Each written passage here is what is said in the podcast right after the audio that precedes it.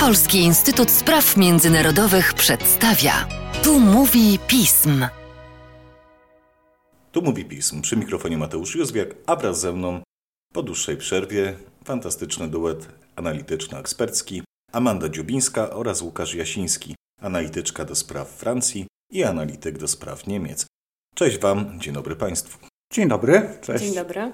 Szanowni Państwo, spotykamy się dzisiaj kilka dni po rocznicy porozumień elizejskich i cóż, poruszamy temat związany z państwami, których ta rocznica dotyczyła. Dzisiaj porozmawiamy o Niemczech i Francji w kontekście pomocy Zachodu dla walczącej z rosyjskimi agresorami Ukrainy.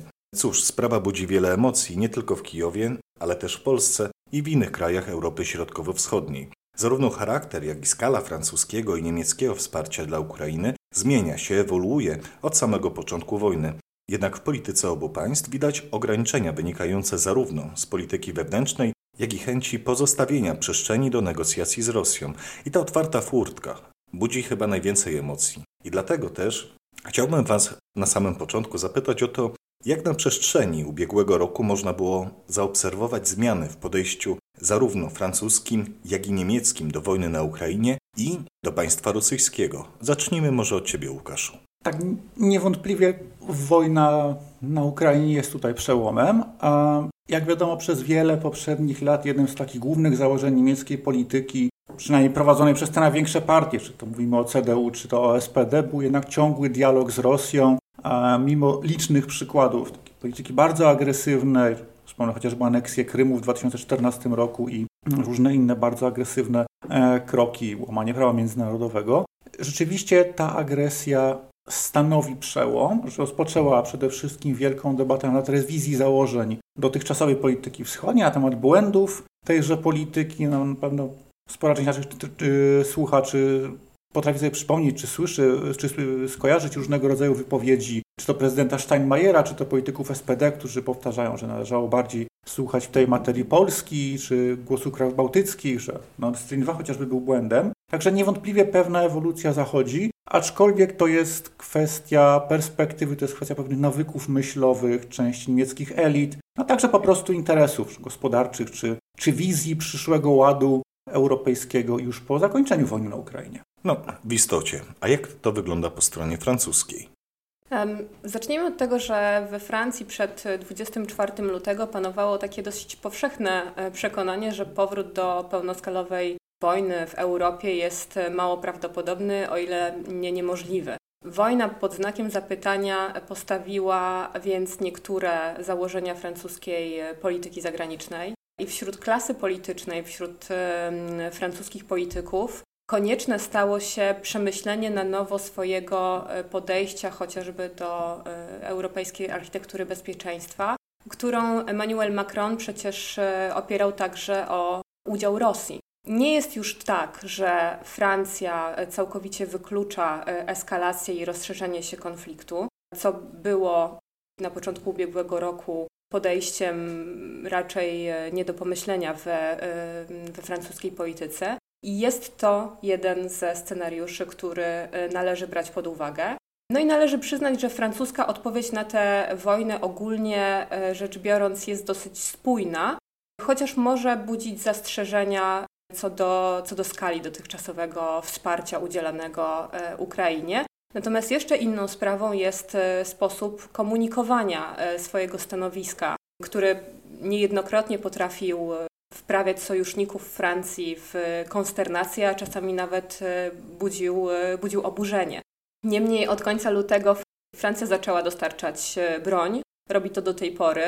Najpierw w ograniczonym zakresie, teraz z czasem te dostawy zaczęły obejmować też ciężki sprzęt, o którym pewnie jeszcze za chwilę porozmawiamy, kiedy będziemy mówić o, o konkretnym wsparciu, jakie oba państwa udzielają Ukrainie.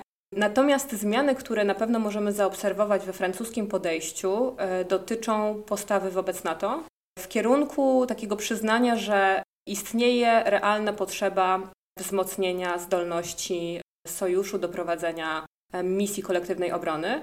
Więc ważne w tym zakresie, w tym podsumowaniu już niemalże roku od rosyjskiej inwazji jest to, że Francja zwiększyła swoje zaangażowanie w ramach sojuszu na flance wschodniej i obecność w Rumunii i w państwach bałtyckich tylko to zaangażowanie potwierdza, ilustruje.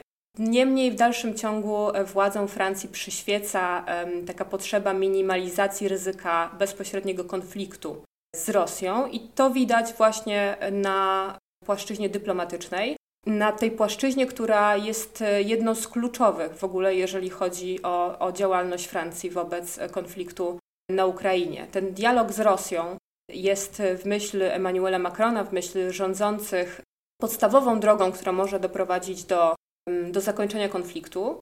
No niestety niektóre wypowiedzi Macrona, w tym deklaracja o, o ewentualnych gwarancjach bezpieczeństwa dla Rosji w dniu jej powrotu do stołu negocjacyjnego, potwierdzają właśnie, że nie wszystkie z tych założeń polityki zagranicznej Francji zostały, zostały finalnie y, przewartościowane. Natomiast istotnym krokiem jest, i to już ostatni punkt, jeżeli chodzi o, o, o takie podsumowanie zmiany e, nastawienia Francji wobec e, wojny na Ukrainie i wobec samej Rosji. Niemniej ważne jest to, że od początku tego roku, właściwie od końca ubiegłego roku, Francja zaczęła zwiększać swoje zaangażowanie militarne, zwiększać pomoc militarną dla, dla Ukrainy i mówimy o różnych typach, typach uzbrojenia. Teraz trwa dyskusja na temat możliwości dostarczenia czołgów Leclerc.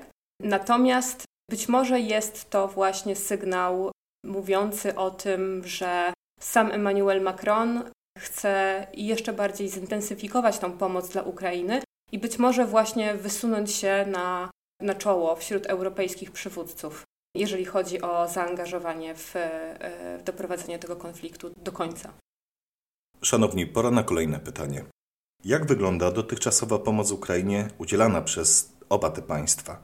No i cóż, chyba najważniejsza rzecz e, z ich perspektywy, jakie są granice tej pomocy, których Francja i Niemcy nie chcą przekroczyć z różnych powodów. Łukaszu? Jeśli chodzi o niemiecką pomoc dla Ukrainy, to tutaj należy rozróżnić moim zdaniem dwa aspekty. Z jednej strony tą realną pomoc, która rzeczywiście jest udzielana, i tutaj mowa nie tylko o samym sprzęcie wojskowym, ale także o wsparciu finansowym, bo przypomnijmy, że Ukraina straciła według różnych szacunków około 40% swojego PKB w zeszłym roku. Bez wsparcia także finansowego to państwo nie byłoby w stanie funkcjonować. I tak funkcjonuje przecież w skrajnie trudnych warunkach wojny, obrony przed, przed agresją, ale bez tej finansowej kroplówki to funkcjonowanie byłoby najprawdopodobniej w ogóle niemożliwe. Inaczej się ma sprawa z dostawami broni. Tutaj, jak wiadomo, w pierwszych tygodniach symbolem takim niechlubnym były te słynne 5000 hełmów, prawda? Czy wyposażenie szpitali polowych, czyli pomoc, która jednak właściwie nie była uzbrojeniem. E, to była, wydawało się wówczas z wielu przyczyn, także historycznych, mentalnych oraz politycznych, czyli niechęć do narażania się Rosji, a także brak, jak się wydaje wówczas, takiej wiary e, większości niemieckich polityków, że Ukraina jest się w stanie przeciwstawić Rosji. To była wówczas pewna czerwona linia. Od tego czasu jednak w przeciągu niecałego roku, biorąc pod uwagę wcześniejsze niemieckie doświadczenia z wysyłaniem broni do terenów objętych konfliktem zbrojnym, rzeczywiście nastąpił dość duży przełom. No, wspomnę tutaj chociażby te dostawy haubic czy pojazdów typu pojazdów typu Gepard, czy zapowiedziane trochę pod presją y, kroku, który poczyniła Francja, dostawy wozów opancerzonych typu Marder, miał około 40 40 sztuk. Natomiast te akurat jeśli chodzi o mardery, te dostawy są cały czas jeszcze w zapowiedziach. Mówi się, że horyzont czasowy to jest, e, to jest marzec, czyli miesiąc, być może trochę e, więcej. Co pozostaje problematyczne, to z pewnością fakt, iż ta polityka jest bardzo nietransparentna. To znaczy Niemcy, mimo że dysponują jednym z najsilniejszych przemysłów zbrojeniowych w Europie, nawet na świecie, decydują się na dostawy kolejnych typów broni dopiero pod bardzo mocną presją. Z jednej strony wewnętrzną, bo tutaj mówimy o chociażby opozycyjnej CDU, czy o politykach zielonych i FDP, no i przede wszystkim decydujące znaczenie ma po prostu presja międzynarodowa. Nie pierwszy raz już widać, że jeżeli Amerykanie, Polska, inne kraje naszego regionu, Francja naciskają na Niemcy, to w pewnym momencie rzeczywiście kolejne dostawy wcześniej wydawałoby się nie do pomyślenia, są realizowane, a przynajmniej zapowiadane i przygotowywane. Teraz mamy do czynienia akurat, z, jak wiadomo, z sporem wokół dostawy y, czołgów y, Leopard 2, gdzie Podejrzewam, że scenariusz będzie podobny, czyli w pewnym momencie Niemcy chociaż przynajmniej wyrażą zgodę, co już zaczynają powoli sugerować, przynajmniej wyrażą zgodę na, na wysłanie leopardów przez Polskę, Finlandię i inne kraje w ramach y, tak zwanej koalicji chętnych. Natomiast rzeczywiście problemem jest to, że te dostawy są w porównaniu i z niemieckimi aspiracjami, i z potencjałem gospodarczym, potencjałem przemysłu zbrojeniowego po prostu y, bardzo ograniczone i przede wszystkim realizowane niechętnie i z opóźnieniami. Amando?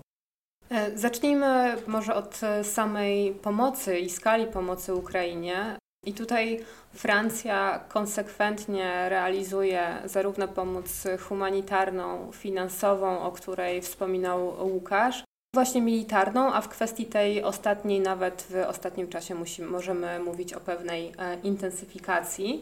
Jeżeli chodzi o samą wartość tych trzech filarów pomocy, czyli pomocy humanitarnej, finansowej i wojskowej, to ona łącznie opiewa e, na blisko 1,5 miliarda euro, z czego pomoc humanitarna stanowi około 143 miliony, euro, pomoc finansowa około 800 milionów euro, natomiast pomoc wojskowa 472 e, miliony euro. Są to dane szacunkowe oczywiście.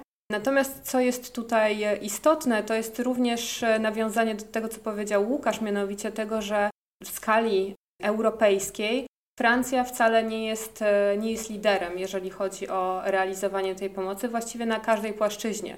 To znaczy, odnosząc się do jej realnych możliwości, E, finansowych, realnych możliwości przemysłu zbrojeniowego, to e, rzeczywiście Francja odstaje od e, swoich głównych sojuszników we wszystkich tak naprawdę tych trzech obszarach, trzech kategoriach. No ale co do zasady, właśnie ta pomoc jest, jest wieloaspektowa. Jak wspomniałam, filarem pomocy jest również aktywność dyplomatyczna. Oprócz regularnych rozmów ze stronami konfliktu Francja także wsparła i myślę, że to nie jest bez znaczenia. Wsparła przyznanie Ukrainie statusu państwa kandydującego do Unii Europejskiej, pomimo właśnie tego, że jest to państwo, które jest jednym z najbardziej zagorzałych przeciwników rozszerzania, raczej jej intencje idą w kierunku pogłębiania integracji, a nie przyjmowania nowych członków do y, struktur unijnych. E, więc e, i ta deklaracja, bardzo jednoznaczna ze strony francuskiej, była moim zdaniem ważnym krokiem i również trzeba ją zaliczyć jako pomoc, realną, realną pomoc e, Ukrainie. Jeżeli chodzi o to, o czym wcześniej wspomniałam, czyli o, tej, o tę intensyfikację pomocy wojskowej, to ja tutaj zwróciłabym uwagę właśnie na fakt, że na początku stycznia Francja zapowiedziała przekazanie Ukrainie wozów rozpoznawczych, tak zwanych lekkich czołgów bojowych, które realnie wzmacniają dotychczasową pomoc udzielaną Ukrainie. W momencie ogłoszenia tych dostaw e, prezydent Macron e, nie sprecyzował ani liczby pojazdów, ani, ani daty terminu, w jakim te dostawy miały być zrealizowane, natomiast później dowiedzieliśmy się z francuskiego Ministerstwa Sił Zbrojnych, że takie dostawy zostaną zrealizowane w ciągu dwóch miesięcy. A wcześniej, czyli pod koniec ubiegłego roku, jeszcze Francja e, dostarczyła na e, Ukrainę kolejny pakiet e, obejmujący systemy obrony przeciwlotniczej ponownie właśnie rozszerzając ten zakres dotychczasowej pomocy wojskowej. A więc te kroki z ostatnich tygodni, z ostatnich miesięcy, moim zdaniem również wskazują na pewnego rodzaju, pewnego rodzaju kierunek działań francuskich. No a teraz właśnie Trudno powiedzieć, czy jest to czerwona linia, być może tak. I, I to też jest przedmiotem e, rozmów pomiędzy różnymi partiami politycznymi e, we Francji, mianowicie dostawy czołgów e, na Ukrainę, czołgów Leclerc. I tutaj e, oczywiście rządowa strona zapewnia, że takie dostawy mogłyby być zrealizowane pod spełnieniem, przy spełnieniu takich trzech warunków. Czyli po pierwsze, one nie powinny co do zasady powodować eskalacji, po drugie, muszą zapewniać realne i, i skuteczne wsparcie e, armii ukraińskiej, a po trzecie, same te dostawy nie powinny osłabiać francuskich zdolności obronnych. Natomiast, czy te zapowiedzi zostaną e, zrealizowane, e, czy nie, trudno mi jest właśnie odnieść się do tego, czy to jest ta czerwona linia, której Francja nie chce przekroczyć. Na pewno czerwoną linią dla, dla polityki Emmanuela Macrona jest doprowadzenie do ewentualnej eskalacji. Tego na pewno strona francuska nie chce i od samego początku tego konfliktu unika e, wszelkich działań, które miałyby do tego doprowadzić. Chciałbym jeszcze dopowiedzieć, w jaki sposób kwestia dostaw broni w Niemczech zdemaskowała pewne słabości nie tylko Bundeswehry, ale całego, całego systemu e, bezpieczeństwa. Otóż okazało się, że y, amunicja do niektórych typów e, e, broni wysłanych na Ukrainę, między innymi oddział y, Gepard, do pojazdów Gepard jest produkowana w Szwajcarii, a Szwajcaria jako kraj neutralny po prostu odmówiła dostarczania amunicji, co wzbudziło w samych Niemczech po pierwsze oburzenie, po drugie ogromną dyskusję nad przeniesieniem jednak produkcji tak strategicznych materiałów wojskowych, jak chociażby uzbrojenie, z powrotem do Niemiec, żeby uniknąć w przyszłości sytuacji, w której to Szwajcaria na przykład będzie przewlekała dostarczanie amunicji, motywując to, motywując to swoją neutralnością, pacyfizmem i tak dalej. Jest to może taki nietypowy, może jest to, tak, jest to taka nietypowa kwestia, którą dostawy broni, dyskusje wokół dostaw broni na Ukrainę także w Niemczech y, ujawniły. Z racji tego, że czas nas nagli, myślę, że pora na ostatnie pytanie, a właściwie pytania, które będą wymagały szerszej odpowiedzi, jednak myślę, że z perspektywy naszych słuchaczy będzie to odpowiedź zadowalająca. Szanowni, w jakim stopniu sytuacja wewnętrzna w obu państwach wpływa i w jakim zakresie może w dalszym ciągu wpływać na pomoc udzielaną Ukrainie? No, jednak ten czynnik społeczny, polityczny jest bardzo istotny oraz, co jest fundamentalną kwestią, czy rosyjska agresja sama w sobie odbija się na polityce wewnętrznej, sytuacji wewnętrznej zarówno Francji, jak i Niemiec? Moim zdaniem można się spodziewać w dalszym ciągu rosnącej presji przede wszystkim na kanclerza Scholza i to presji, która już od dłuższego czasu odbija się na sondażach SPD, która zajmuje no, w odróżnieniu od badań drugie bądź trzecie miejsce raczej na pewno utraciłaby władzę, gdy wybory do Bundestagu odbywały się obecnie. To jest także kwestia, która bardzo mocno zaczyna dzielić koalicję rządzącą. Z jednej strony mamy Zielonych, którzy, w tym minister spraw zagranicznych, Annalena Baerbock, która przecież stwierdziła, że Niemcy nie będą stały na drodze, jeżeli inne kraje będą zmierzały do dostarczenia Ukrainie czołgów Leopard 2, prawda? Potem na pytanie, czy jest to jej prywatna opinia, czy jej opinia jako minister spraw zagranicznych, nie udzieliła żadnej odpowiedzi, zachowała takie dyplomatyczne milczenie. No ale oczywiście to w pewnym sensie też podważa pozycję samego, samego kanclerza. Niewątpliwie kanclerz Scholz tutaj w dużej mierze kieruje się sondażami opinii publicznej, a opinia publiczna w sprawie czołgów jest w Niemczech bardzo podzielona. Także mamy do czynienia z różnymi badaniami. Z grubsza jest niewielka, możemy zaobserwować niewielką większość, która jest za e, dostarczeniem czołgów, ale to jest tylko zaledwie kilka procent. W elektoracie SPD sytuacja jest jeszcze bardziej skomplikowana. No i Scholz, jak większość polityków, musi brać to e, niestety pod uwagę i raczej nie wątpliwe jest, żeby znalazł sobie taką odwagę do dokonania zdecydowanego przełomu, zwłaszcza, że poprzednie miesiące też pokazywały, że jakieś decyzje są podejmowane zawsze pod dużą presją. Ja sądzę, że e, warto tutaj wskazać na taką znaczącą zmianę w samym składzie rządu federalnego, czyli na dymisję minister obrony Christine Lamprecht, którą zastąpił Boris Pistorius, czyli minister spraw wewnętrznych e, landu Dolna Saksonia. Ta dymisja minister Lamprecht ona jest związana tylko w pośredni sposób z kwestiami z kwestiami dostaw broni na Ukrainę. Przypomnijmy, że minister Lambrecht objęła stanowisko ministra obrony bez żadnego doświadczenia w tym zakresie. Ona była wcześniej ministrem sprawiedliwości. Do tego w wielu wywiadach posuwała się do takich niezbyt roztropnych wypowiedzi, jakie przyznawała się do tego, że nie zna stopni wojskowych, że będzie się zwracała do oficerów po prostu per proszę pana.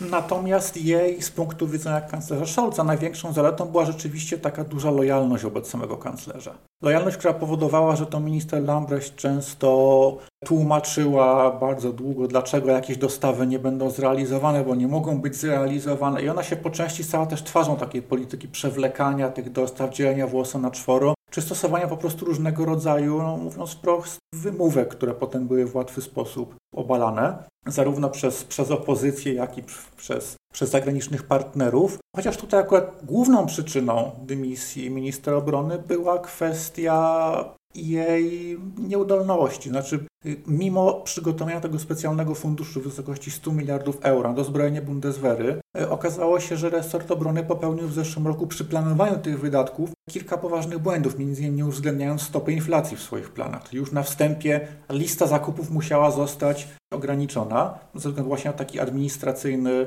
e, bardzo prosty błąd.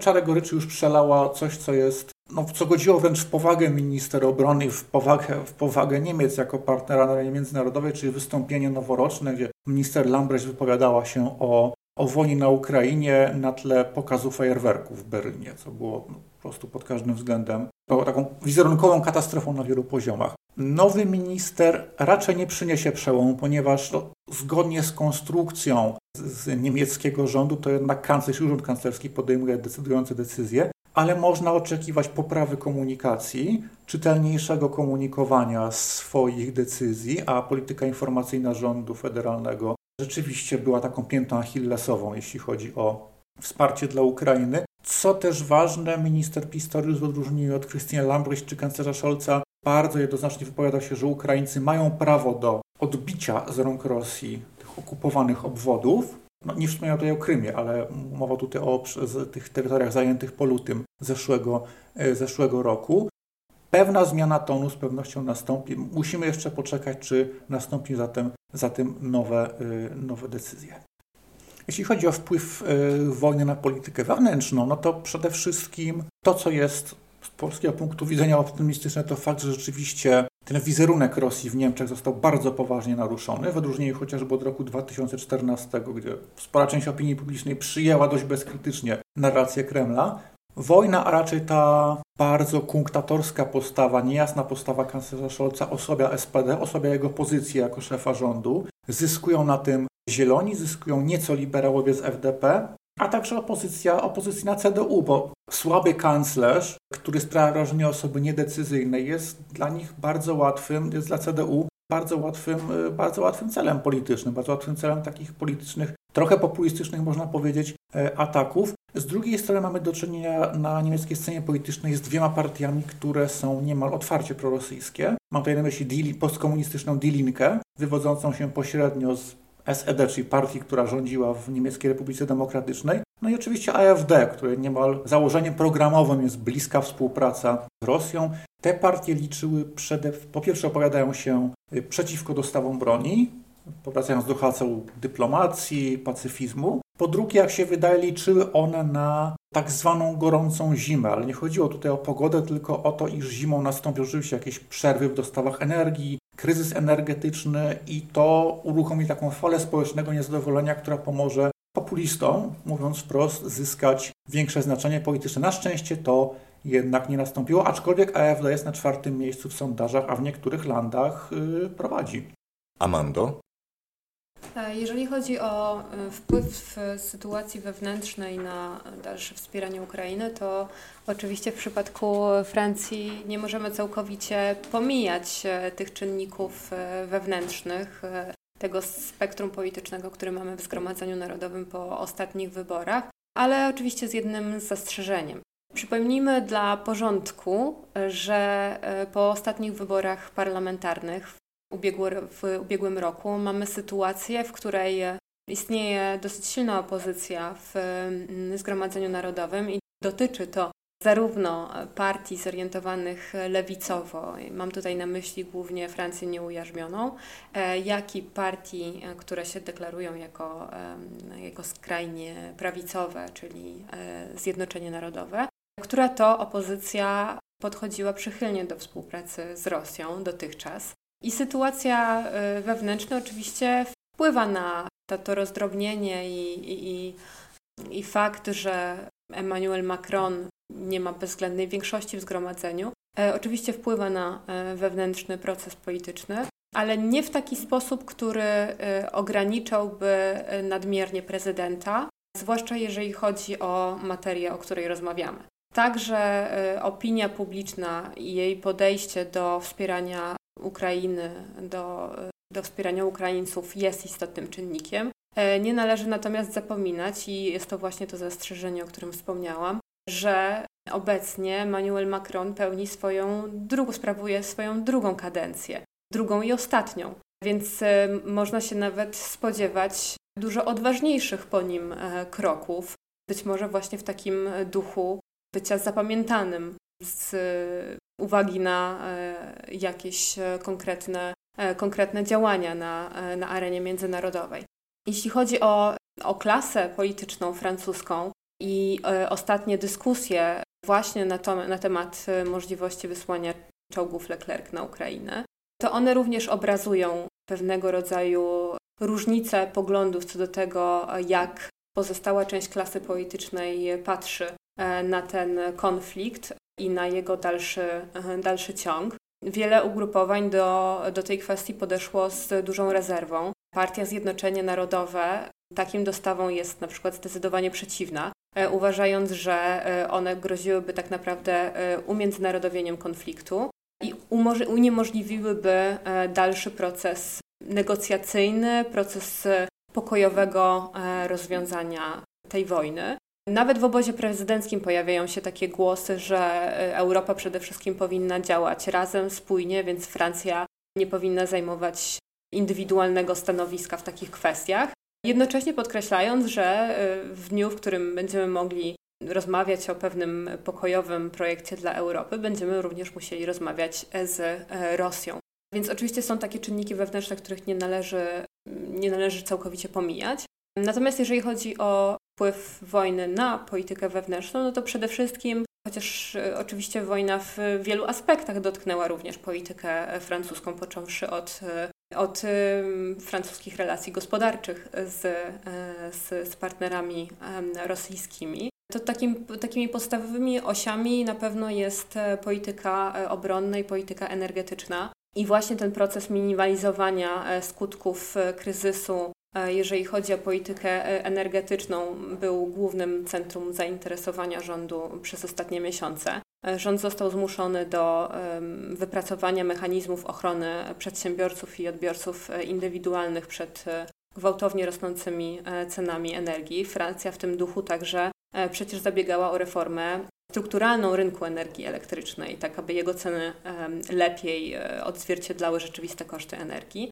No i trzeba także podkreślić, że e, tutaj Francja nie była aż tak uzależniona od dostaw rosyjskich surowców jak inne państwa, państwa europejskie, więc stosunkowo ten proces przebiegał, proces uniezależniania się od rosyjskich dostaw przebiegał bez, e, bezkolizyjnie. Natomiast e, jeżeli chodzi o wpływ, e, innego typu wpływ rosyjskiej inwazji na politykę wewnętrzną Francji, no to należy wspomnieć o ostatnio zapowiadanych przez Macrona wysiłków na rzecz modernizacji armii i zwiększania wydatków zbrojeniowych, które mają opiewać na niebagatelną kwotę 400 miliardów euro E, na lata 2024-2030, no co jest znaczącym e, podwyższeniem tychże e, wydatków na, właśnie na zbrojenia. Jest to oczywiście po części odpowiedź na, to, na toczącą się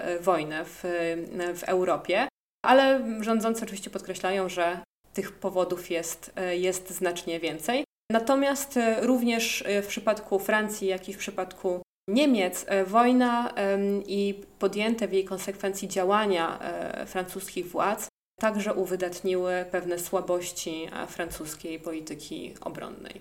Szanowni Państwo, o tym jak dalej zmieniać się będzie pomoc francuska i niemiecka, przyjdzie nam porozmawiać w niedługim czasie. Cóż, jest to temat bardzo zawiły, szeroki i myślę, że będzie pretekstem do dalszych naszych wspólnych nagrań. Tymczasem jednak bardzo dziękuję Wam za dzisiejsze.